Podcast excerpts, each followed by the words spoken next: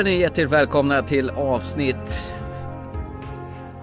90 av Thomas och Thomas filmpodcast. Alltså jag har sagt fel flera gånger här. Vad är det för fel på mig egentligen?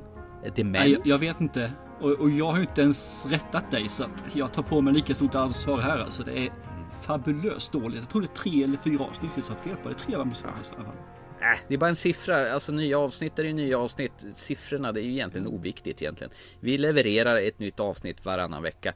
Och det lär vi fortsätta med under en längre tid också. Mm. Ja, precis.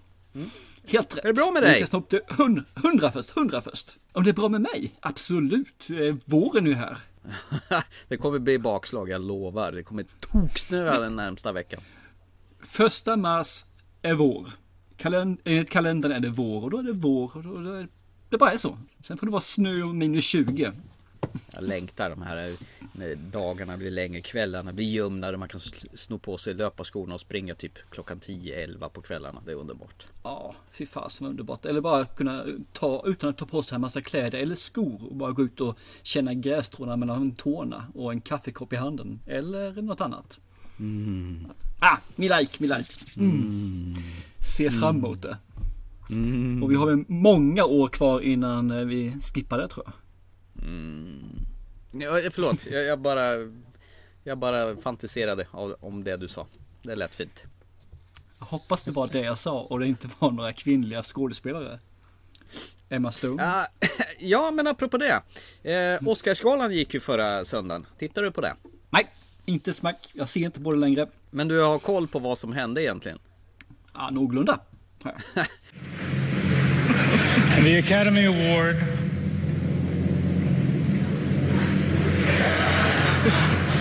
for Best Picture. La La Land.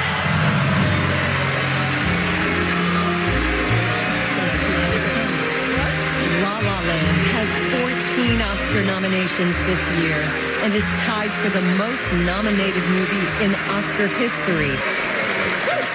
Thank you. Thank you all. Um, thank you to the Academy. Thank you to Lionsgate. Thank you to our incredible cast and crew. We're all up here right now. Thank you uh, to my parents for supporting. Blue-eyed wife and creative partner, Julia Hart. Whew. You have uh, inspired me to become the man I am right now. Um, and more importantly, the man I'm still becoming. Fred? It's the love of my life. Ali Lowy, I'm up here because of you. I love you so much. And Damien Chazelle, we're standing on your shoulders. We lost, by the way, but, you know. Guys, guys, I'm sorry. No, there's a mistake. This, there's a mistake. Moonlight, you guys won Best Picture. On, this is not a joke. This is not a joke. I'm afraid they read the wrong thing. This is... This is not a joke. Moonlight has won Best Picture. Moonlight, Best Picture. Eh, när eh, Oscars, eh, det tyngsta priset, La La Land, de fick ju rätt mycket priser. Bland annat Emma Stone fick ju eh, för bästa kvinnliga huvudroll. Mm, bra Emma mm. Stone. Mm. Men eh, när de skulle dela ut eh, priset, Warren Betty gick ju fram där och han läste fel. Nej, han läste rätt. Ja, han, han läste, läste rätt. rätt. Det, var, det var väl det att de hade fått dubbla kuvert. Alltså Emma Stone för bästa kvinnliga huvudroll en gång till på kuvertet. Och han läste väl inte så jäkla noga. Läste upp La La Land och det var ju inte de som vann bästa film utan det var Moonlight. Snacka vilket antiklimax det blir. Blev. Ja, det är, ju, det är ju pinsamt. Det är ju nästan som de skulle låtit La La Land vinna. Och sen så bara kött bort Moonlight. Det, för det, det är riktigt Ja, det är ju pinsamt värre alltså. Det får inte ske sånt där. För han, han gick väl fram och höll sitt tal också, La La Lands eh, regissör. Och sen jo, när han var klar där, eller mitt i det sa, äh, vänta det här stämmer inte, jag har inte vunnit. Nej. Utan det är ju Moonlight som vann. Ja. Grattis till er. Typ. Sjukt hur en sån här stor produktion kan liksom leverera en sån här gigantisk blunder. Det är väl en och annan sak om det om de läste fel bästa kortfilm eller bästa animerat men en sån här grej det får man ju inte det får man, man får inte klampa i det här klaveret egentligen. Jag tycker inte man ska klampa i klaveret överhuvudtaget. Alla de här kuverten ska vara rätt. Hur svårt kan det vara att skriva en stor fet lapp? Bästa manliga skådespelare, bästa kvinnliga skådespelare, bästa film. Jag menar, det, det ska ju inte vara något fel där alltså. Det, ska det bli fel så är det någon som har terroriserat och medvetet saboterat det. Ja, men undrar om Warren Betty hade gråstarr på sina ögon och inte liksom fattade att det står Best eh, Leading Actress Emma Stone ovanför vilken film det var. Ja, men där, där, där får nog faktiskt komma till hennes försvar där, för det, man läser ju enbart namnet tror jag. Man tittar inte ett smack på det som är runt omkring, man tittar bara på namnet. Eller också hade han tankat så mycket rödvin innanför så att han var lite woho! Kan vara så med, vem vet. Eh, har du sett La La Land eller Moonlight förresten? Nej, jag- varken eller. Jag, La La Land ligger liksom på att göra-listan, men jag har inte sett den. Nej, det har jag inte. Men jag vill se den. Jag tror den är ett riktigt lyckopiller. Ja, jag har ju förstått att den är magisk. Om man gillar såna här gamla Det, det är ju hintar till de här gamla dansfilmerna med Fred Astaire och Grace Kelly och såna här grejer. Okej, Eh, gi- Gillar man sånt då är det porr för en tror jag. Och, och gillar man musikaler så är det porr för en. Och jag har för mig att du är lite sån här musik- musikalfanatiker där i andra änden. Är inte? Ja, fast jag vill ju gå på teater och se det. Jag vill se det live helst. Eh, För när jag ser det på film och tv så blir det inte samma känsla. Man kommer inte så nära på det viset. Nej. Så att, eh, men vissa fungerar absolut. Men eh, Mm. ja, jag, jag har lite svårt för det på tv. Men eh, teater, då är det fruktansvärt bra. Me like. Mm. Men jag, jag tror i alla fall, jag tror den här kan bli riktigt bra. Vare sig man tycker om musikal eller inte. Det, det är de vibbarna jag har fått i alla fall. Så Mm. hoppas jag har rätt där. För är det musikal musikal, då kan det nog dra ner lite. Det är som Sweeney Todd, den var ju inte vidare bra tycker jag som musikal. Nej, men eh, La La Land tror jag har dialog också. Det är inte bara sång genom hela filmen. Det är väl det som skiljer tror jag. Det är det som känns med musikal när man går på teater. Där, många av dem har ju det att de har en dialog och sen så sjunger de eh, runt omkring också. Okej, sången för ju handlingen framåt, absolut. Men det är mycket dialog också kan det vara. Jag tror ju stenhårt på den här i och med Damien Chazelle som gjorde Whi- Whiplash, den här fina trumslagarfilmen. Eh, har ju Jag gjort även La La Land. Så att eh, den var ju helt magisk. Så jag tror också att det blir helt magiskt. Jo, jag tror på det. Jag tror också det blir bra. Det ska bli jätteintressant att se dem. Men man som heter Ove har blivit utan. Det var någon Iran-film som blev bästa skådesp- eller bästa utländska film istället. Ja, vad hette den? Merchant hette den va? Ja, någonting sånt ja. Och det var väl för väl det. För jag undrar vad som hade hänt ifall en man som heter Ove hade vunnit där, där Rolf Lassgård inte fick följa med. Och Hannes Holm, undrar om, om, om Rolf Lassgård hade fått följa med upp på scenen i alla fall då. Jag tycker det hade varit roligare om man hade vunnit bästa smink och Lassgård hade gått upp sminköserna med sminkarna. Det hade, varit- det hade varit humor. Det tycker jag hade varit kul. Han kunde gått där och gett finger till honom. Bara, "Psh, här har du. För inte jag fick Det följa var ju så med himla pajigt. Fyra biljetter till er. Eh, två producenter, Hannes Holm och så tar han med sig sin fru från, från att ha bollat lite Har du- idéer fram och tillbaka. Det är, klart, det är klart man tar huvudrollsinnehavaren. Den, han ska ju, eller hon ska ju vara med alltså. Det är ju fantastiskt dumt annars. Ja, det sjönk ju Hannes Holm i mina ögon ordentligt där. Mm. Ja, ja visst, det, det är ju ett par mil ner under marken. Sex foton om inte annat i alla fall. Six feet under. Ja, ja, ja. Jag tänkte referenser medan jag pratade här. Yes. Nej men det, det är synd, jag tycker det, det nu fick, komma, fick han komma dit i alla fall, vilket var tur. För det här är väl en one time wonder kan jag tänka mig. Ja, det är nog inte ofta man får gå på Oscarsgalan, tror jag. Nej, och det är klart han vill ha med sig frun. Ja, det förstår jag med. Men nu handlar det om att man faktiskt är professionell också. Så Hannes, skärp dig.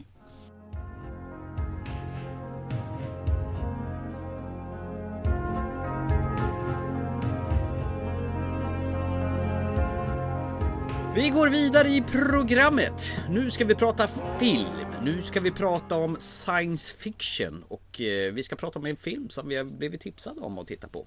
Ja, precis. Lite äldre film från 2007. Det är så här att jag var ute och åt lite mat med faktiskt främlingar. Vi är en grupp som eh, träffas där då och då och vill eh, bara gå på restauranger. Så är det några stycken som följer med. Och. Precis. Så man, några stycken följer med den här gången, andra följer med nästa gång och sen så sitter man där på en god restaurang och äter mat. Och givetvis börjar man prata om film. Det gör man ju alltid. Alla pratar alltid om film. Och när man inte pratar om film så vill Ja, visst man är det prata om film. konstigt? Ja visst, så är det alltid. Jag vet inte. Det är, vad en kommer så blir det alltid film på tapeten. Det är inte du som drar upp det då? Det skulle jag aldrig kunna tänka mig. och då började vi prata om favoritfilmer. Vilka filmer man tyckte om och vad man skulle vilja se och hela det här köret. Och då kom det fram en ny film. Som en av tjejerna där sa. Och hon sa det här är min favoritfilm. Bästa filmen ever.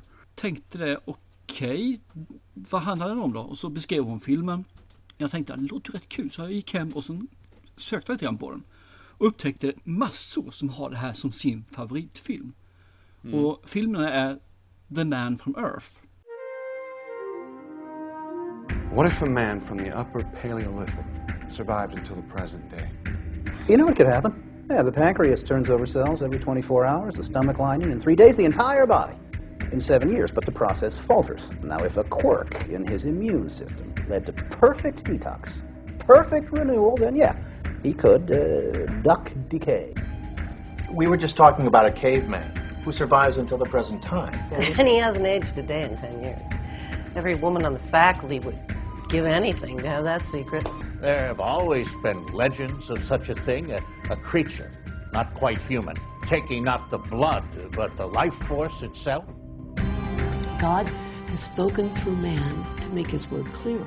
You got four men of science completely baffled, my friend. Who do you think I am? You are absolutely certifiable. You stand alive and tall in a graveyard that you helped to fill? Well, then perhaps It's time to die.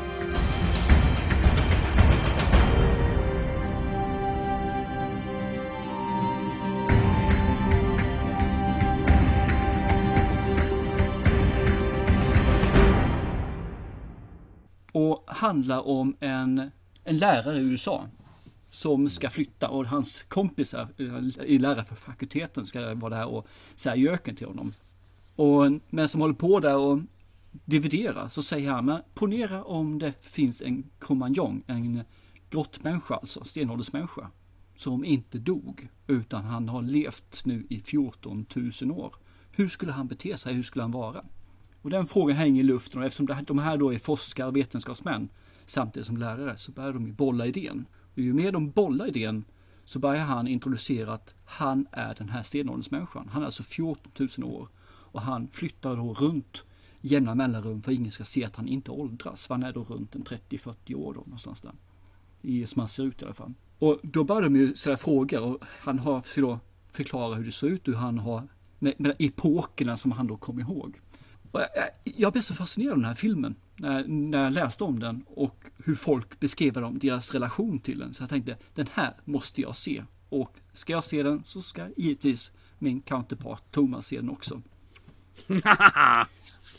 och här är vi. Här är vi. Mannen från jorden. Eller jag tror inte det har någon svensk titel. Den heter bara Man from Earth. Och tur är väl det, det räcker. Ja, från 2007. Apropå det, jag måste bara få flika in.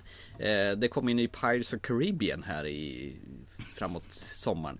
Och den heter ju Dead Man Tell No Tales. Men de har översatt den till svenska Salazars Revenge. Ah! Varför gör man så för? Så får man inte göra. Jag trodde man hade lagt av med sådana dumheter för länge sedan. Det trodde jag också. Mm. Skit i det, tillbaka till Mannen från Earth. Jag är ju fascinerad av den här filmen just att man försöker dyka ner i en grottmänniska, hur han skulle utvecklats, hur han skulle ha betett sig, hur han skulle göra för att inte bli påkommen. Att han faktiskt är 14 000 år gammal. Och hur, hur de reagerar mot detta. Först vetenskapligt och sen emotionellt och sen så blir det ju mer och mer invecklat hur de, eh, när de kommer djupare och djupare i diskussionen. Och jag, jag, jag, tycker om den här alternativa teorin faktiskt som dyker upp. Så att, jag, jag, på något vis så köper jag filmen hur, som du säger, science fiction den är. Så att, äh, jag tyckte den var jävligt mysig faktiskt. Mm. Att, gammal film och det, ja. Ja men så jävla gammal är den ju inte, den är från 2007. Men den ser väldigt gammal ut. Ja, man kan väl säga så här, det är väl en ruggigt lågbudgetfilm också. Det är väl därför kanske den ser så gammal ut. Det känns som en film gjord direkt för TV. När liksom mm. fonten på kommer upp där det står Jerome Bixbys The Man from Earth. Varför just hans namn för? Det är väl någon författare förstås. Då tänker jag, Ja, han är ju, ja precis.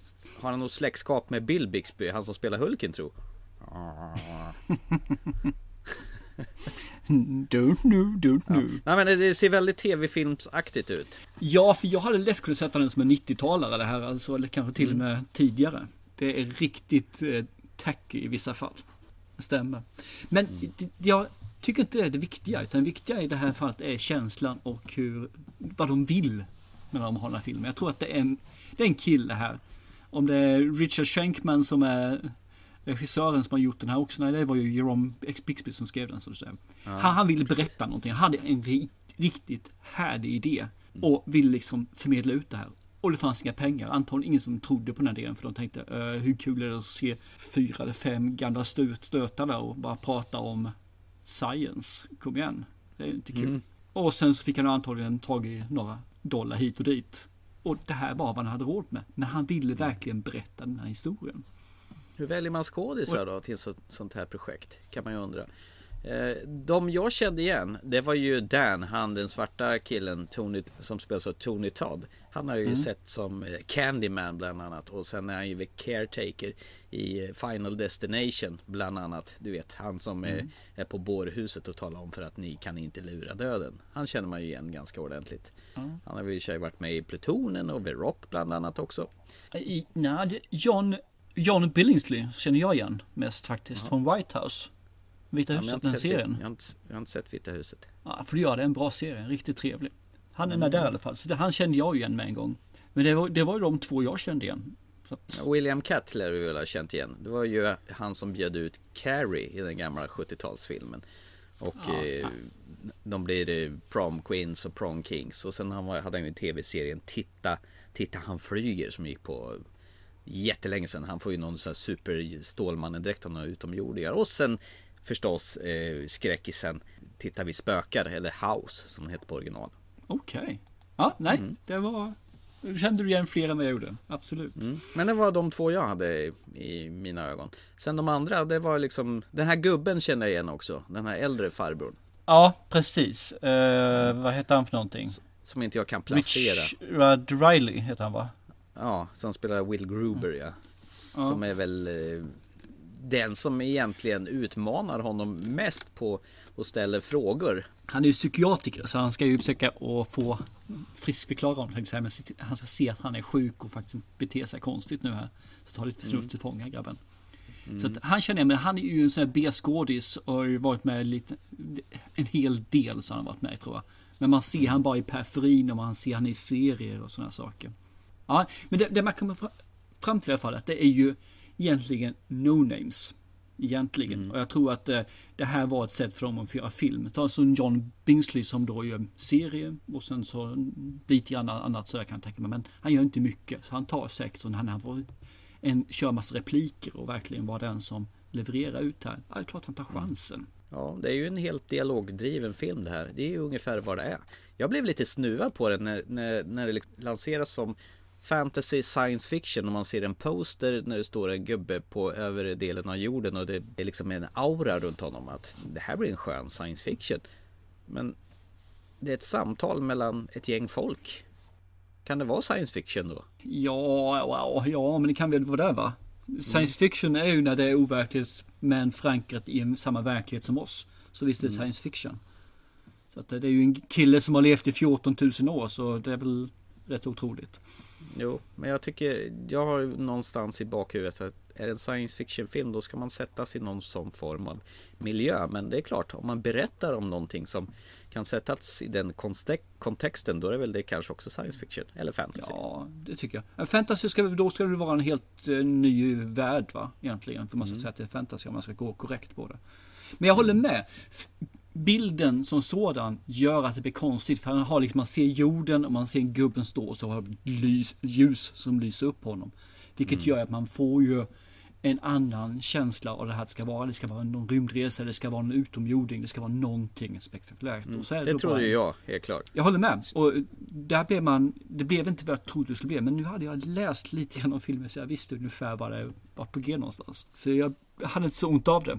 Jag har också läst, jag gick in och kollade en massa användarbetyg på IMDB och folk är lyriska över den här filmen. Ja visst, det är ju därför jag va? Alltså, inte bara hon tjejen då, utan även på nätet är det massor som tycker att det här är ju det film. Inte vilken film som helst, utan den filmen. Vad, vad tyckte du då? Jag, jag, jag kan ju rätt samma säga, jag tycker ju om den här filmen. För det, det, dialogen finns där, det finns en, vad ska jag säga, det finns en historia och det finns något som är lite otroligt då med den här killen. Men samtidigt så, det han säger, så som han beter sig och så som de bygger in det, så tycker jag om det här. Alltså det, det blir så smutt allting. Alltså det blir så här lulligt, lite gulligt allting. Och samtidigt så i slutet när...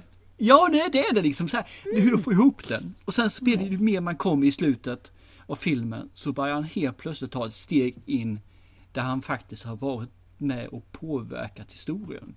Och har haft kanske de här fingrarna i syltburken med hur saker och ting har tagit den riktningen som de gjort då. Mm. Och det tycker jag var rätt nice. För början så blev det liksom bara, ja ja, ugg ugg, jag var Stenholms man, gick vidderna, ugg ugg, nu är jag lärare för jag ugg ugg. Ja men lite grann sådär va. Var det inte någon som skämtade med honom, ska du klappa till mig i huvudet och dra mig i håret? Exakt. Och så var det någon som frågade, eh, kommer du ihåg någonting från språket från då? Ja, det universala finns ju fortfarande kvar. Mm. ja, jag tycker om den. Mm. Men du, du verkar vara mindre imponerad i filmen. Ja, vi säger så här då. Jag, jag, kände liksom när jag slog igång där, jag bara funderade på, är det rätt film jag har slagit på? Är det det här han vill att jag ska titta på? Med, med tanke på det här tv-formatiska sättet och den är filmad på och musiken framförallt. Jag är ju sucker för musik. Men det kändes som att någon har anlitat den lokala eh, bandet för att dra ihop någonting sånt här. Alltså det kändes tv-seriemusik också. Och, och sen mm. sätter sig de här killarna i stugan och han Först överhuvudtaget sen vill han bara säga ja, och, men sen vill han tala om vem han egentligen är. Och det är många som ifrågasätter honom hela tiden. Du är ju psykfall, du borde sätta, sättas in på dårhus. Nej, nu, nu sticker jag. Nu vill jag inte höra mer på det här. Men ändå så kommer de tillbaka. Jag skulle nog ha känt likadant liksom. Vilket psykfall. Jag vill inte vara kvar här. Men det hade inte blivit någon film förstås. Men det är väldigt många som är på väg därifrån. Men de kommer tillbaka och de liksom kan inte bestämma sig för om de vill lyssna på honom eller gå därifrån. Jag tror att eh, så som jag tolkar dem är att de är rätt fascinerad av frågeställningen som sådan. Och sen så är ju han eh, deras vän och har varit det under väldigt lång tid då. John Oldman som mm. han kallar sig. Ja. Och jag skulle nog kunna tänka mig att bry man sig om någon och sen samtidigt så är man då det här är vetenskapsmän. De har svårt att lämna en fråga öppen för de vill alltid ha ett closure. De vill alltid hitta det där svaret som finns där. Ja, och de här andra, det är ju lärare och vetenskapsmän och de sitter ju verkligen och, och, och roddar i sina egna vad de kan och vad de vet om de här historierna och så vidare. Om det stämmer överens med vad han säger. Men det börjar bli, jag, jag tycker det blir lite, fant, lite för fantastiskt för han har varit precis överallt och träffat precis alla och han, han är precis alla. jo, men klarar du inte av en eh, den här filmen Hundraåringen heller då eller? Hundraåringen som klev ut genom fönstret försvann. Han har ju varit med överallt också men han har bara levt ett liv hundra år. Den här killen har levt 14 000 år sedan och fast han jo, varit med men, någonstans. Men det känns så här, han, han har varit precis överallt där det händer grejer. Och det blev lite för mycket allting med alltihopa. Har han verkligen varit överallt? Ja, det känns så när han berättar om sitt liv. I och har man levt så pass länge men ändå har varit med om så mycket väsentliga saker som har skett. Nja, jag, jag, jag är inte alls lika imponerad över detta. Okay. Uh, ja, jag känner mig blåst på en science fiction. Jag tror du låste dig just där. Jag tror du låste dig med att du trodde du skulle få någonting som du inte fick. Och det kan jag förstå för jag kände lite grann samma som dig. När jag körde igång filmen så tänkte jag bara Vad är det här? Och varför ska jag se klar detta? Och Nej, vi kan prata om en annan film istället. Ja men, men det var ungefär jag också kände. Ja. Men sen ju längre filmen gick så blev det här riktigt lysande. Jag tycker den här filmen är riktigt bra alltså. Den, den är så dialogdriven så att eh, man blir bara fast i den. Det, det, uh, ja, det... Men det är ju det enda det min... Ja, det- ja men absolut, men det är ju den filmen, det är det den är ju. Det här är ju en dialogfilm. Det är alltså en, egentligen en eh, one location movie. Det här att- skulle ju funka precis lika bra på en teaterscen ju. Absolut. Det skulle den göra. Det är ett Eh, Vad är kammarspel. felet med det? Ja, vad är felet med det? Hateful Eight Ja, skulle det- väl klara sig på ett, Ja, det- en teater? Men det är ju fel forum ju. Den ska ju inte vara filmad, den här ska ju vara på teater. Ja, men nu kan vi gå tillbaka här. Du har massor av de här. Vi har Phone Booth. Du har Hateful Eight. Du har ju den här Buried. Alla de skulle fungera på en teaterscen också. Ja, fast där händer det lite annat än man bara sitter och pratar. Jo, han lastar sin bil också. Så gör han. Han, ska, han lastar sin bil med lite kartonger. Och kommer aldrig därifrån. Ja. Ja, du är väldigt negativ och det, jag tror inte det spelar någon roll där. Jag tycker den här är fantastiskt fin alltså, för de får ihop det här på ett fruktansvärt bra sätt i slutet. När man helt plötsligt sätter det man tror på och det man har, har liksom närmast hjärtat helt plötsligt inte stämmer. Och folk blir helt förtvivlade samtidigt då som att han beskriver hur verkligheten är och hur förskönad den har blivit med åren som har gått efteråt. Nej, jag, jag, jag, jag för filmen efter bara en... eh, Ge den 10 minuter av filmen sen så var jag fast. Mm, jag fick nog lite äckligt i munnen istället. jag tyckte det här var direkt tråkigt. Det blir helt okej men äh, sätt dig och se på smurfarna istället. Ja, den svarta smurferna, den tycker jag om. Nej men det är helt okej. Det, det är helt Ja. okej att ha olika smak. Det tycker jag. Nej, det här, det här var vansinnigt tråkigt alltså. Det här var inte alls min grej. Det här var eh, tv-sletet Dallas-avsnitt från sent 90-tal känns och ändå har han gjort 2007. Och sen störde jag mig på den här kärringen som, som eh, bara Åh, du, du, du, du, du är dum! Du är dum! Sa hon. Du härdar Bibeln! Du är dum mot Bibeln. Så. Ja, okej. Nej men det, det är bara ett inse att du har fel men det kan stanna där. Ja, men så är det ju. Thomas har alltid fel. Eller rätt. Det beror på hur man ser det. Ja, både och tror jag oftast. Nej, ja, ja, det ser man. Men det, men det kanske är också vad man eh, var ute efter på den dagen. Men eh, absolut, jag håller med dig fullständigt. Det, det är liksom sletet, det är lågbudget och det är lite grann det jag går igång på också. Att det är verkligen låg budget. Och det är ungefär som du såg de här svenska filmerna när vi tar de här med, med när folk vill förmedla oss som vilsen och de här sakerna. Och det är det som jag har fått detta. Att han vill någonting och han lyckas fantastiskt bra med de här små medlen som finns. Men det, det går jag igång på. Nej, jag har väl säkert fel då, för det är ju jättemånga som tycker om den här filmen. Och Det har jag ju läst. Jag, och då, jag var ju tvungen att läsa på vad folk tycker för att förstå varför jag inte tycker så. Det är ju som sagt var att men, tar man det, jag, jag har ju en viss film som blir Oscarsbelönad som jag hatar eller inte tycker om i alla fall. Och eh, smaken är som baken. Men den har ändå fått 8 på IMDB. Så att det finns ju en popularitet på den alltså. Det är inte mer med det. Den här eh, kommer jag nog inte se om. Inte jag heller. Det kommer jag inte göra. Men jag är glad att jag har sett den. Mm. Mm. Det är de här gångerna man känner att vi behöver nästan inte köra den här värd att se eller inte va? Nej, verkligen inte. Det var ju som en kamrat eh, sa till oss när vi hade skräckfilmskväll eh, för ett par veckor sedan.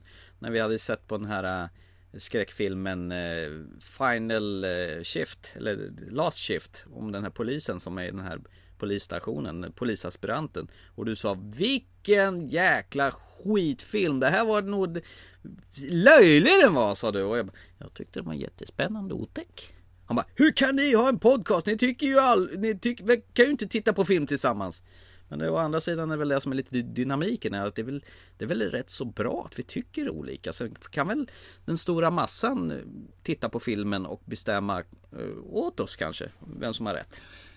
Det, det är ju det vi är ute efter. När vi gör podcasten så är det ju att ta fram det som eh, vi är bra, tycker är bra med filmen och det som inte är bra med filmen. Och sen så har vi två aspekter på det och då kan man ju säga så att okej, det här tycker jag, det här tycker du Thomas. Och då kan ni som lyssnar förhoppningsvis bilda en uppfattning. Okej, skulle jag tycka om den här filmen också? Eller inte? Och i den här fallen skulle ni tycka om den. Men jag tycker fortfarande vi kör den här. Värd att se eller inte, för då får du förklara lite kort varför den inte är värd att se. Mm, Okej, jag, jag kan börja då. Jag tycker inte att den här är värd att lägga ner eh, en timme och 27 minuter för. För det första blir du snuvad på konfekten. Går man in med insikten över att åh, nu ska jag få se en science fiction. Har jag missat en science fiction verkligen? Jaha, det har jag. Och jag förstår ju varför jag inte har sett den här. För att det här är ingen science fiction. Det här är en, en film med 6-7 personer som har ett djupt samtal om världens eh, uppkom och eh, men, den första människan som har levt långt, långt genom eh, livet. Och det är vad det är. Och det, det ser tv-aktigt ut och musiken är på snudd sån här hissmusik som de spelar i hissar för att, eh, och i såna här lounger där de sitter och spelar piano. Ungefär så. Se hellre Highlander. Det handlar om en annan eh, figur som lever eh, över århundraden och bara kan dödas genom att hugga av huvudet. Det är en bra film med Christopher Lambert och Sean Connery. Mycket bra. Och, och Clancy Brown som Kurgan. It's better to burn out than fade away. Den här kommer definitivt fade away. Du, du, glömmer en aspekt också. Som sagt, du säger fantasy, att det här är en fantasy. Absolut. Men det är en drama också. Och det är det som inte Highlander är. För Highlander är en fantasy och en action. Så att det är två olika typer av filmer som man inte kan jämföra med, jag anser i alla fall. Så att absolut, vill du ha svärdsfäktning, du vill ha action, du vill ha laserpistol eller whatever. Då är inte det här en fantasy eller sci-fi eller drama som du ska se. För det här är en dialogdriven historia det, går väldigt långsamt och det är inga extravaganser någonstans. Utan man sitter och pratar, man diskuterar och det är underbara dialoger som sker i den här filmen. Och det handlar just om det här med att är verkligen saker och ting som vi minns det, som vi har läst det, som vi fått det berättat för oss? Eller finns det faktiskt en alternativ sanning som har förvrängts? Hur skulle en person utvecklas när man lever så pass länge som man gör då? Den här personen som 14 000 år. Hur är man som person? Hur gör man? Hur beter man? Vad är drivkrafterna? Det där tycker jag är fruktansvärt intressant. Det här skulle likväl kunna vara en dokumentär där man tar det här som ett sceneri och driver det framåt. Men nu blir det en film och det blir en otroligt fin drama. Men det är långsamt och det finns inga som helst vad heter fighting-scener eller action i den. Så vill du ha det? Absolut inte se den. Nej. Vill, vill du ha det så den här filmen då. Men vill du ta det lugnt och bara sitta och faktiskt njuta av en, som jag tycker, inte intellektuell film, men att man måste vara med och tänka lite grann och ha lite egna åsikter. Den här filmen tycker jag är klockren. Och den är mysig när man ser den. Man blir lite småglad. Där har du mina... Och absolut, den är värd att se. För att avsluta. Det är där de svarta smurferna kommer in. Det var när du somnade Thomas. Det är säkert du somnade på den här filmen förresten. Nej, jag sov inte. Jag, jag såg, såg den i två omgångar dessutom. Gjorde jag. Mm. Okay. Jag, bör, jag började se ena, ena 45 minuter ena, ena kvällen. Sen såg jag klart den på morgonen efter faktiskt. Så jag sov inget ba på den där. Bara en sak till innan vi lämnar den här till handlingarna. Och det mm. är för er som har sett den och älskar den. Och för er som kommer se den och älskar den. Så kommer det faktiskt en film i år som är uppföljare till den här. The Man from Earth Holocene. Så det kommer alltså en uppföljare på den här just nu, tio år senare. Skojar du med mig? Vilket eh, ska bli jättekul att se för mig. Så det blir en sån här Yes, I will see it. Ja, så. ja, smaken är som baken men den är delad och det är väl så det ska vara. Ja, det tycker jag.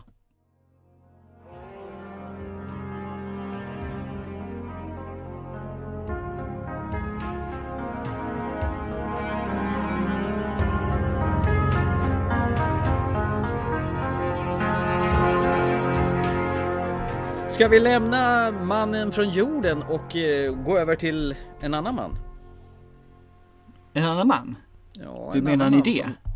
En idé? Du menar en idé, precis. För en man kan dö, det kan inte en idé göra. En, del, en idé lever vidare. Ja, du menar så. Mm. För en idé kan inte blöda. Nej. Men en, en idé kan inte älska heller. Nej. Hörru du, uppdraget. Vi har ju börjat kasta skit på varandra, eller kasta film på varandra, eller vad säger ja, man? Vi är varandra stimulans, vidga vyerna. Jag menar, se mm. sånt som man inte har sett fast man skulle ha gjort i ditt fall. Mm. Jag var ju lättsam ja. Eh, åt dig förra gången och gav dig eh, Movie 43. och jag var lättsam och gav dig V för detta till idag. Remember, remember the 5th of November, the gunpowder, treason, and plot. I know of no reason why the gunpowder treason should ever be forgot.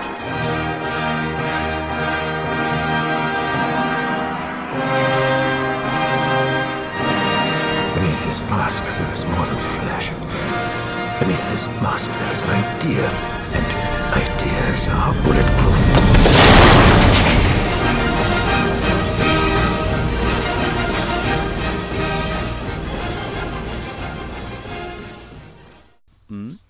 Den här filmen såg vi på bio för bra många år sedan. 2005. Och vi såg den gratis faktiskt. Såg vi den gratis? Ja, det var gratis bio. Vi fick de eh, biljetterna. Det var min före detta tjej då som eh, hade fått de här biljetterna via SF. Ville inte se den så tar du och går på den här Thomas. Du kan ta med den andra Thomas ju. Så får ni ha det kul tillsammans. Och det gjorde vi. Ja. Och du Och hade en var ju- jättefin sömnperiod. Ja, eh, alltså du har ju hyllat den här filmen ända sedan dess och du har väl sett om den vid olika tillfällen i livet antar jag? Ja, jag har nog sett den en fyra, fem gånger. Och senast nu faktiskt bara för några veckor sedan med mina kära barn. Som- Hur gillade barnen då? Min största son tycker att den, ja men det, det var helt okej. Lite för lite explosioner. Medan eh, lillkillen älskar den. Det han står i testamentet nu hos mig, bara för så du vet det. Du, du liksom håller på att styra om det där ordningsföljden i testamentet lite fram och tillbaka. Det, det är liksom det är ett levande dokument. Ja, ja absolut alltså. Så just nu står han där och eh, Oliver då, storsonen, är bortskriven. För han inte tyckte den här var så bra. Så eh, du får ju akta det här nu du säger om filmen alltså. Det är inte med det. Okej. Mm. Jag, ska, jag ska trippa lite på tå här kanske. Och sen ska jag, sen ska jag säga egentligen vad jag Dundra tycker. på. Ja, det låter bra. det. Säg vad du tycker med en gång istället. Okej, Men vi eh, vill, vill du ta vad den handlar om? För du har sett den senast, du får nästan ta och beskriva den. Ja men det kan väl göra. Det handlar väl om en framtid i Storbritannien och det är en, vad ska man säga, en frihetskämpe som endast som är känd med ett alias som heter V. Och han eh, är väl i begrepp att störta den eh, brittiska regeringen samt hämnas på sina gamla plågoandar. Han har ju suttit i någon form av fängelse och han är bra sugen på och se till att det brittiska herraväldet ska få en ny start för det har blivit en tyranni av något djävulska mått. Jag kan säga så här. Den? Jag är sjukt trött på superhjältefilmer, det vet ju du. Så det första som händer när filmen startar, då kommer den här DC Comics-loggan upp. Och jag tänker, uh, uh, nu vet jag varför jag somnade på den här filmen. Jag blir lite lätt illamående och jag letar efter någonstans att spy. Har jag någon hink någonstans? Men sen börjar filmen med uh, Remember, remember the 5th of November. Och då har du ju då den här fantastiska skådespelaren eh, Hugo Weaving som spelar V och jag funderar på om han är bakom den här masken eller om det är bara rösten han har lånat ut. Men tittar man i rollistan så står det ju faktiskt hans namn på den karaktären. Klassisk musik. Då spränger han V ett känt landmärke i London. Och ett fyrverkeri dånar vid tolvslaget för att påminna England att vilket korrupt och hemskt och vilket skitvedervärdigt land det här har blivit. Eh, v, Hugo Weaving då, han är iförd i en sån här Guy Fawkes mask. Det är Alltså en, en mask med ett stort jäkla flin med mustasch och sen den här bögiga pipskäggsgrejen under munnen då. Och, och sen här, så här svarta eh, breda ögonbryn och sen helt kritvit i ansiktet så har han hatt på sig också. Ja.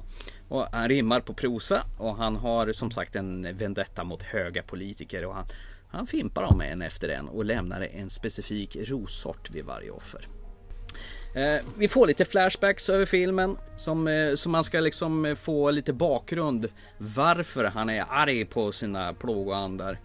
Och varför han har sånt agg och föraktar den brittiska staten och även kyrkan då. Och mitt i alltihopa så kommer Natalie Portmans rollfigur in. Mm, Natalie Portman. Ja, Every heter hon. En liten oskuldsfull flicka som jobbar på ett företag.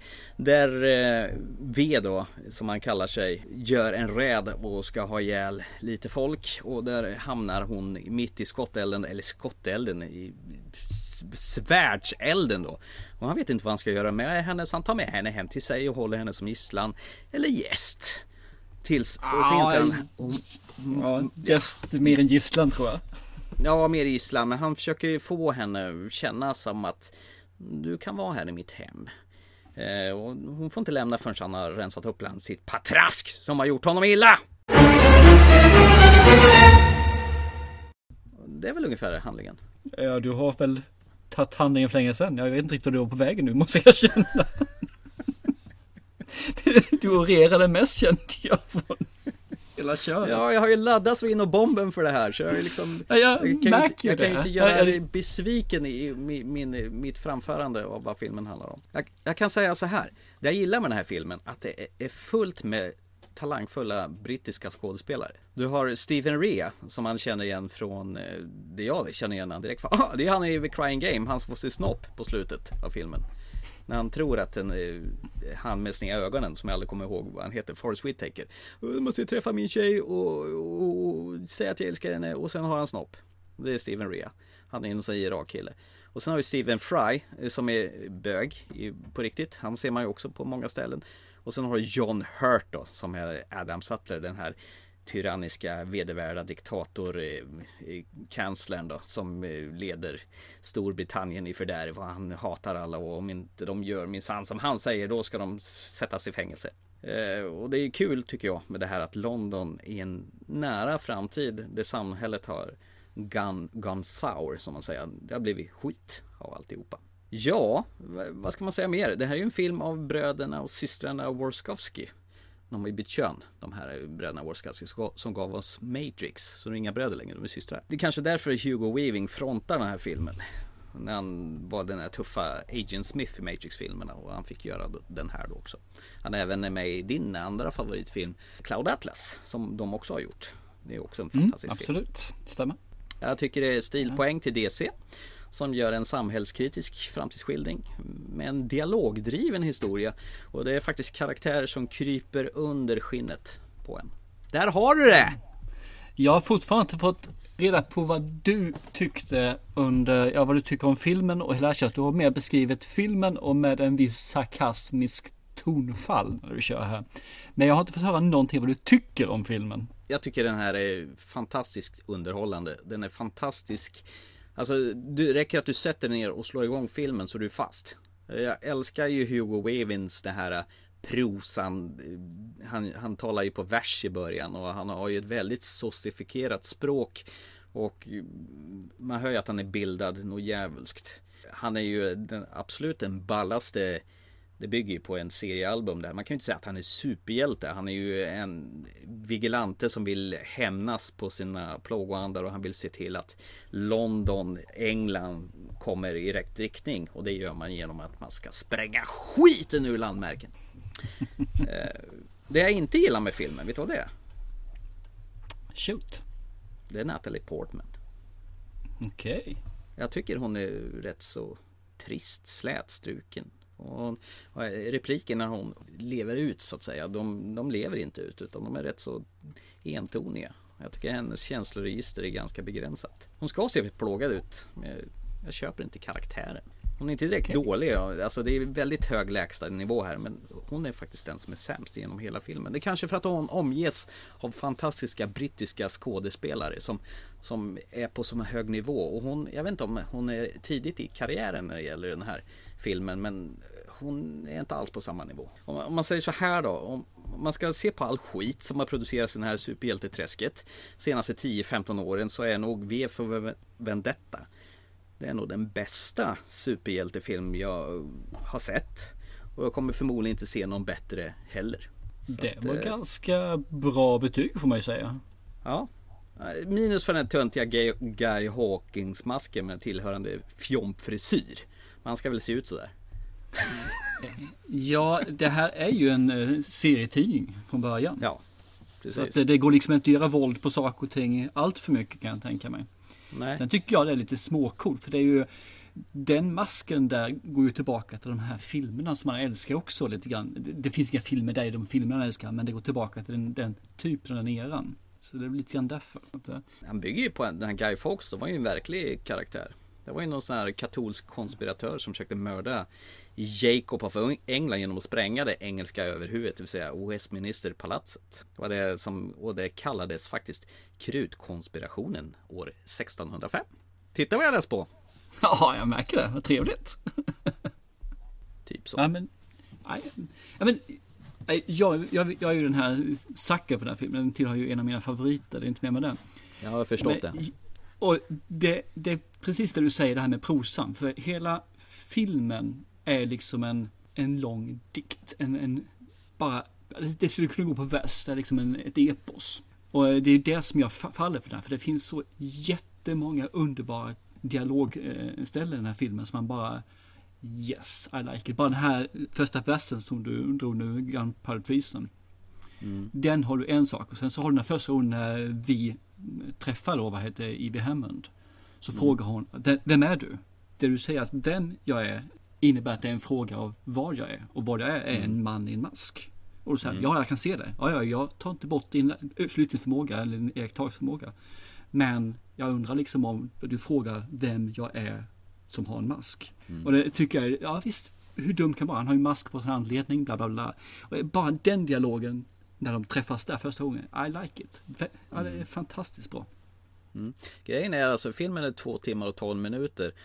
Och i det här eh, läget och det här tillfället så är ju faktiskt filmen värd att vara två timmar och tolv minuter. Om man tittar på allt om annat skiten, Avengers och eh, Captain America som är totalt innehållslöst om man ska jämföra med det här. Den här hade ju faktiskt en historia som, som var genomtänkt och proffsigt berättad och det är ju som sagt fullt med sköna schyssta brittiska skådespelare och jag älskar ju att den är väldigt brittisk i hela produktionen. Du har ju Tim eh. Pigott Smith som är, som är Creedy bland annat. Han är ju fruktansvärt bra att spela en äckelpäckelfigur. Ja. Och John Hurt gör ju faktiskt riktigt bra också i sitt, han är ju väldigt lik Adolf Hitler i sitt sätt att ja, agera. Det är nog, eh, parallellen är nog ganska uppenbar och den är gjort med medvetenhet tror jag. Och sen så är jag ju en sucker för Stephen Fry, jag älskar ju honom och hans, eh, det mesta han gör alltså är ju fruktansvärt bra alltså. Sen så tycker jag det är lite intressant när du säger Natalie Portman, hon gör ju en jättesvår roll när hon ska börja och vara den här personen som är eh, jättefina och goa flickan som aldrig gör någonting fel mm. utan ska följa alla regler och liksom inte sticka ut. Till att mm. bli en flicka som en kvinna som inte är rädd och som, ja den här transformationen då. Så visst mm. är det svårt att göra det men den här Damon Distress figuren är ju alltid svår att göra för den blir så vansinnigt platt. Och jag håller med. Den, den del hon är där, den är liksom, jaha, varför då? Men den hon mm. blir senare i filmen tycker jag lyfter Natalie Portman riktigt bra. Där gör hon det superbra alltså. Mm. Sen som säger, det är många runt omkring som är ruggigt duktiga. Alltså, så att det, och, men jag tycker inte hon försvinner. Jag tycker mer att hon eh, lyfts med. Där. Mm. Nej, hon är inte dålig på något vis. Utan, men hon är ju den som klarar sig minst bra. Om man säger så. Okay. Ja, jag ser det på annat sätt. Så jag. jag ser att alla gör det riktigt bra. Alltså, det finns inte mm. en dålig karaktär och dålig skådespelare i hela filmen egentligen. Alltså, som då har ett, eh, en större roll. Nej, missuppfattar mig rätt där med. Alltså, det är ju som du säger, det är ingen som är dålig så att säga. Men om man är tvungen att gnälla på någonting som liksom gör lite smog i, bä i bägaren, smolk i bägaren. Så, så, så, måste det bli Natalie Portman. Om man ska få klara ah, på okay. någonting. För produktionen är ju så jäkla snyggt. Alltså de hade mig redan i början när, när han baus ner liksom musiken trycktes ut i högtalarna och sen Sen smällde han loss ett riktigt explosion där och fyrverkeri och då kände jag det här är mumma. Det var så intressant för när du pratade om filmen, du beskrev filmen så var det så mycket sarkasm och ironi i din röst så det lät mm. som att du spottade en spottloska varenda gång du sa en mening. Men när du pratar om filmen nu så är den ju mm. riktigt bra. Som du sa, den bästa superhjältefilm du sett. Så eh, det gick inte riktigt ihop. Det är ungefär som att eh, springa med ljus, sjunga med ljus späd röst om Satan och eh, de sju apostlarna, tänkte jag men sju ryttarna. Ja, man kan väl få skrämmas lite. Ja, men jag vet ju att den här filmen är en film som håller dig varmt om hjärtat och jag tänkte lite orolig måste vi få bli först då. Innan jag säger vad jag egentligen tycker. Då. Helt, helt OK. Ja. Och, och, och, ytterligare en sak som gör liksom det hela så fantastiskt. Det är ju Musiken är ju helt enormt bra i den här filmen. Soundtracket är ju fantastiskt och så avslutar det ju med Rolling Stones Street Fighting Man. Och bara, oh, oh, oh. Jag har, det, det, är min relation till Rolling Stones. Det är att de har finns med i sluttexterna på en del filmer. Tänker på Interview with a Vampire då de kör egentligen roll, inte Rolling Stones men det är Guns Roses som gör en variant på Sympathy for the Devil. Men fan vad bra filmmusik det passar till. Mm. Jag tycker de tar och blandar ganska hejvilt med lite modernare och sen så klassisk mm. musik. Jag, jag tycker ja, om den här mixningen. Så att, eh, riktigt nice. Så kul att du tyckte om den. Det var ja. jättekul. Ja men det här, var, det här var mumma. Det här var riktigt mumma faktiskt. Så det var ju tur för alla andra för nu kan det ju bli en eh, 91 också i avsnittet här. ja, du tänkte så med tanke på sågningen av det förra filmen vi pratade om. Nej, men alltså eh, Warskowski, alltså det är ju jättekonstigt. Det här, man vet inte om de är kvinnor eller män längre, men skit i samma. De gör, har ju gjort ett par riktigt goa filmer genom, alltså den här och Cloud Atlas är ju också fantastisk. Det måste jag se om bara jag tänker på det. Tv-serien Sense8 som jag faktiskt inte har sett den, är den värd att se? Ja det är den. Den är verkligen mm. värd att se. Eh, jag har sett första säsongen och sen så finns det en tribute-film kan man säga. Den är, den är så filmlång. Och sen mm. kommer då säsong två här nu i höst. Så att eh, den är verkligen värd att se. Det är väl läge att jag klämmer den också. Men du får ju inte vara homofob när du ser den. För det, det finns både eh, homosexuella som är män och homosexuella som är kvinnor i filmen. Och som är då huvudrollsinnehavare. Och det är liksom eh, bitvis så är det alltså ormgropar. Alla är runt alla. Äsch, jag har ju sett Penny Dreadful. Ja, det här är faktiskt eh, ett steg till. Eller två, Aha. eller tre. Aha. Men den är jättebra, den alltså. Vet du vad det slog mig med den här V för Vendetta i alla fall? Vi var ju på bio och såg den här. Mm. Det, det, här var ju som att jag såg den här filmen för första gången. Ja, det jag känner jag. inte igen, jag känner inte igen någonting överhuvudtaget. Jag måste alltså Det var ju 2005 och du sov, sov kanske halva filmen. Mm. Varför skulle du komma ihåg första delen av den? Jag vet inte. Nej, men, det här är alltså nytt. 12 år sedan. Men det, det, spelar ingen roll. Den här filmen har ju kunnat vara, varit gjord i år. Den, alltså, den känns lite tidlös på något vis. Ja, men De har fått till det på, på något sätt som gör att det här kan vara när som helst. Och det, att... det roliga tycker jag att det är, det är riktigt skitigt. London mm. är skitigt. Det är så mm. riktigt gritty alltihopa där. Och slagsmålsfighterna och sådana saker, som du säger, håller. Det gör de alltså. Det är ju mm. inte så att det här går att bli en Oscar för slagsmålsfilm. Men de har gjort det sån nivå och gjort det så pass bra. Så att det här kommer hålla i 10-20 år till tror jag. Det jag tycker också är bra att det här är en one, one time offer. Det här är liksom, det här är den här filmen. Och man behöver inte göra en del 2, del 3, del 4 eller del 5 bara för att, för att rida på en framgångsrik film och franchise. Utan det här är en, en engångsgrej och det är ju så fantastiskt befriande tycker jag. Ja, det tycker jag också. Jag tycker det är fantastiskt bra det med. För det, det, låt den vara den är. Det där istället för att det ska bli den här Kaching-filmen. Men det är ungefär som Cloud Atlas som jag inte hoppas heller blir någon uh, uppföljning på och troligtvis inte blir. Ska jag kasta tillbaka tjänsten till det när vi ändå pratar om eh, filmuppdragen då? det tycker jag absolut du ska göra. Mm. Jag satt och funderade på länge och väl vad jag skulle kunna återgälda dig med eller skrämma dig med eller göra dig riktigt nervös över. Allt utom 50 nyanser av grått. Ja, det finns ju flera. Det finns ju 50 shades grey darker också kan du göra. Allting som har över 50 nyanser går bort. Ja. Det är liksom. Ja, men jag tänkte att du skulle få se en film som vi har pratat om kanske och se många gånger men aldrig kommit till skott med. Regissören till den här heter Nicholas Winding Refn, jättekonstigt namn, men han har tidigare gjort en film som heter Drive med Ryan Gosling och sen har gjort Only God Forgives, jättekonstig film och en film mm. som heter Bronson. Uh, ja, fast det är inte det du ska titta på utan jag vill att du tittar på The Neon Demon från 2016. Det handlar om en modell som heter Jessie som flyttar till Los Angeles och kommer in som det här underbarnet och alla är superavundsjuka på henne och Keanu Reeves är med! Woho! Bara en sån sak! Nej! det där är inte snäll. Du ska se på Veneon Demon. Jag har faktiskt velat se på den så att uh, den är bara Tack. Kan jag säga på den. Då blir det av. En- För jag är rädd för att den en- inte skulle blivit av annars. En spark i arslet ska du ha där. Och den här filmen ska vara väldigt artsy och väldigt så här konstig och stilistisk har jag hört. Men det kanske kan passa här, eller inte. Det ska bli jävligt spännande att se. Eller höra. Du har inte sett den själv eller? Nej, jag tänkte jag sparar det till, eh, till eh, du har sett den. Så Ah, kan okej. jag... Nice. Ja, ja, men det. Eh, jag mottager uppdraget med glädje.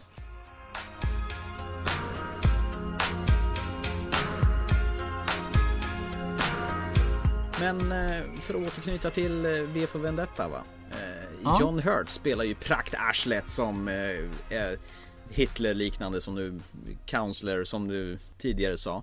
Han gick Ja. ur tiden i, i år. Some sad news for fans of the Alien franchise as of late. It's been reported that actor John Hurt, who portrayed Science Officer Kane in the first Alien film, has passed away at the age of 77.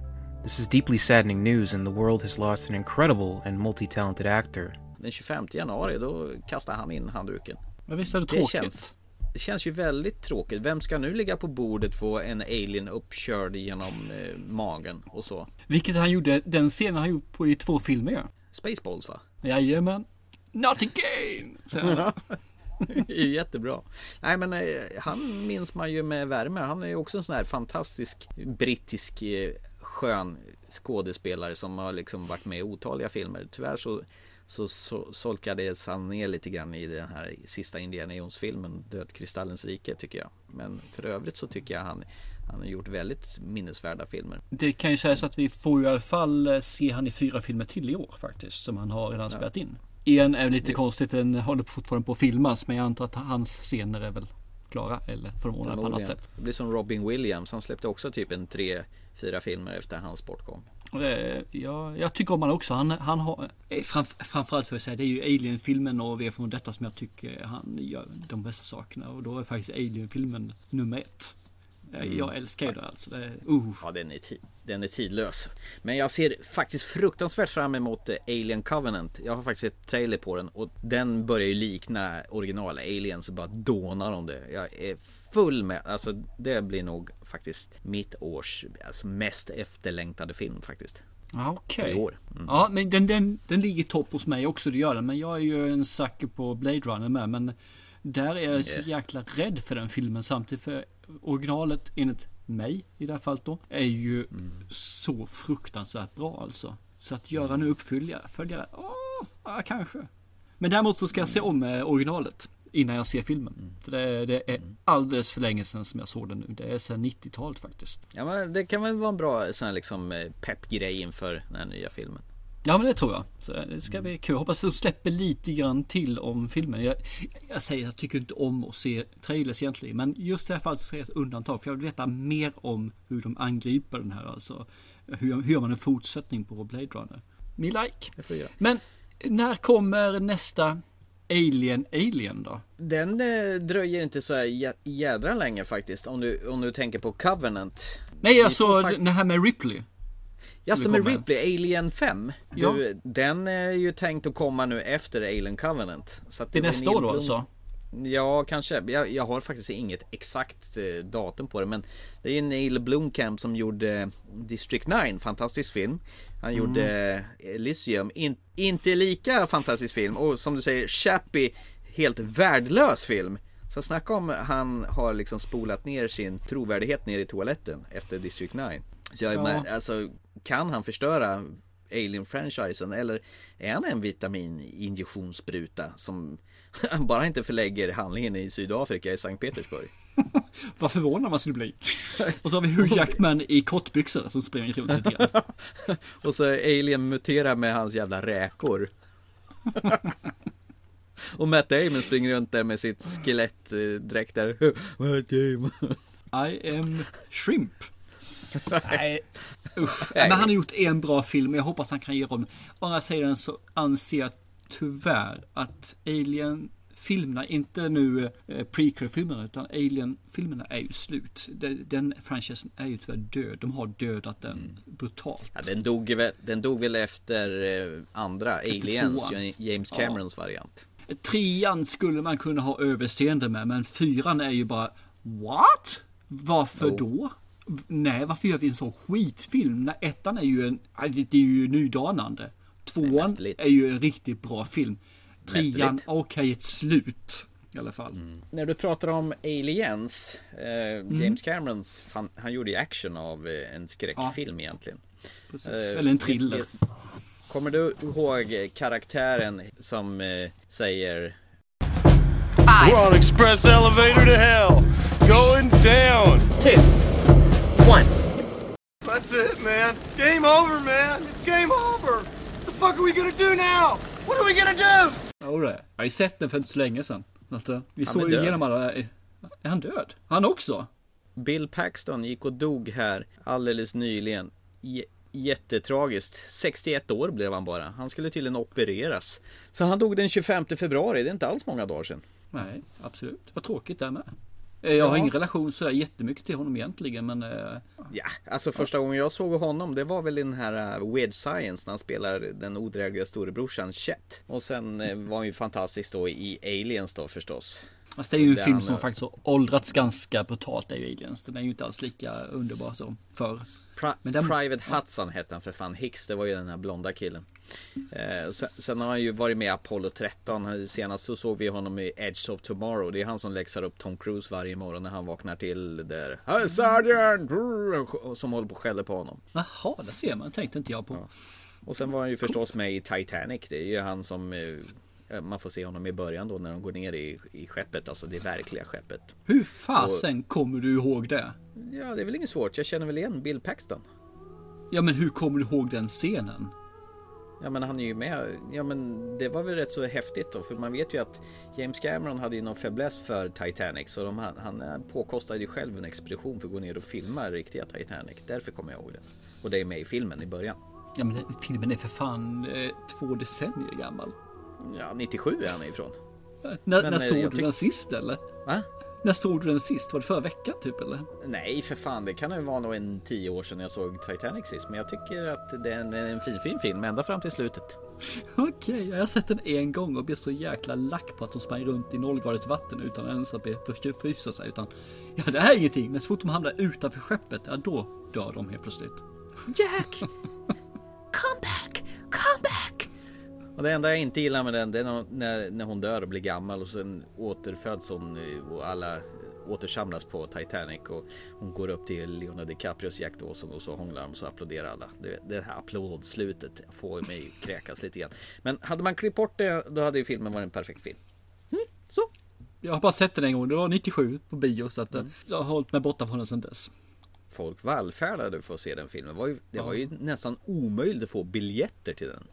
Jag kommer ihåg när jag satt där just och tittade på den här så vandrade de i vattnet och jag satt där och började och skratta åt det och så tittade jag mot min tjej som stod på bilen med och så att tårarna bara rann ner på kinderna på henne och jag tänkte Hon var ledsen. Jag ska inte, jag ska nog inte tala om vad som är så roligt i den här filmen just nu utan nu kan jag kanske bita mig i läppen och vara tyst. Och dina tårar de sprutade över att du tyckte det var så roligt så du grät. Ja, då. Men äh, låt det vara osagt och det är preskriberat nu så att... eh, Eh, vet du vem mer som har dött? Hur många har dött egentligen här? Ja, Det är massor. Jaha, kör Vet- på. Vet du vem det här är? Det är ju pissljummet. Herr Ober! Herr Ober! Vad heter is älskling? Ice. Bitte. Herr Ober, ice bitte! Ja, jag kan hämta lite is. Nej, nej. Vi befinner oss faktiskt på en restaurang älskling där man kan förvänta sig lite service. Eftersom vi trots allt betalar för maten. Det är Björn Granat. Ja, jag kommer naturligtvis att skicka en räkning på det här till er resebyrå. Ja, men det kan inte vara meningen att vi, era gäster, ska skjuta upp er jävla buss upp för berget. Ja, men vi, vi, vi, vi, kanske ska veva upp eh, liftarna också. Jag är ledsen alltså. Göte, lugna dig lite. Jag är lugn. Vet eh, herrarna möjligtvis var vi ska bo någonstans så vi kan skjuta dit bussen? Eh, Direktör Jönsson, fyra personer. Har han gått bort också alltså? Han är också död. Fasen, hur många har dött egentligen? Det känns som att jag har ingen koll alls här. Han var faktiskt med vid American med den här med George Clooney när han är i Sverige och är någon jävla lönnmördare. Ja, i Dalarna där som inte var Dalarna utan var Värmland. Ja, men Björn Granat, han upptäckte jag första gången när jag var kanske 15-16 han läste in såna här spökhistorier på söndagar som heter Kalla kårar. Den Skräck i sommarnatt. Det var en sån här riktigt obehaglig grej. Han hade så jäkla bra berättarröst. Och Han läste ju sedan in eh, hundraåringen också. Som kröp ut genom fönstret och försvann. Den har han också Mm. läst in på ljudbok. Så att han har ju skön röst. Och sen är jag Mm. ju känd för att vara Madickens pappa också.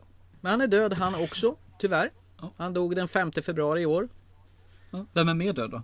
Ja, det är många som dog. Carrie Fisher dog ju förra året och eh, han, hen, två just dagar senare dog hennes morsa. Det var också tråkigt. Så hur de ska få ihop eh, den här eh, episod 8, jag vet inte om de lyckas spela in alla hennes tv-serier. Jo, men Eller hennes scener var redan klara tror jag. De var klara. Mm. Å andra sidan så var fasen man såg ju på eh, Rogue One. Det gick ju jättebra. Jo, okej. Datanimera ja. Usch, Så fy. fabulöst dåligt. Du, det känns som vi håller på att sväva ut här och eh, prata om allt och inget. Nej, jag har ingenting mer att säga. Jag tycker det är lika bra vi stänger butiken för idag. Det var min idé också. Ja.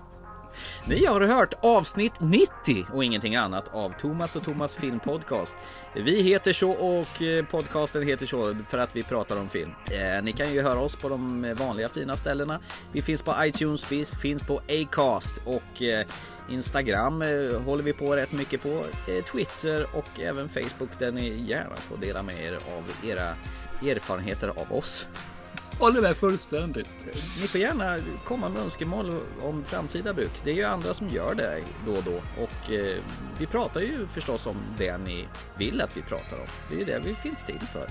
Yes, och ni som har föreslagit filmer och vi inte har pratat om än, eh, det kommer snart. Jag lovar. Det är bara att ta tid. Vi har så mycket annat att prata om också. Det låter mest hela tiden. Ja då, mest du. Nu var det du som låt. Är det du, du eller jag som låt?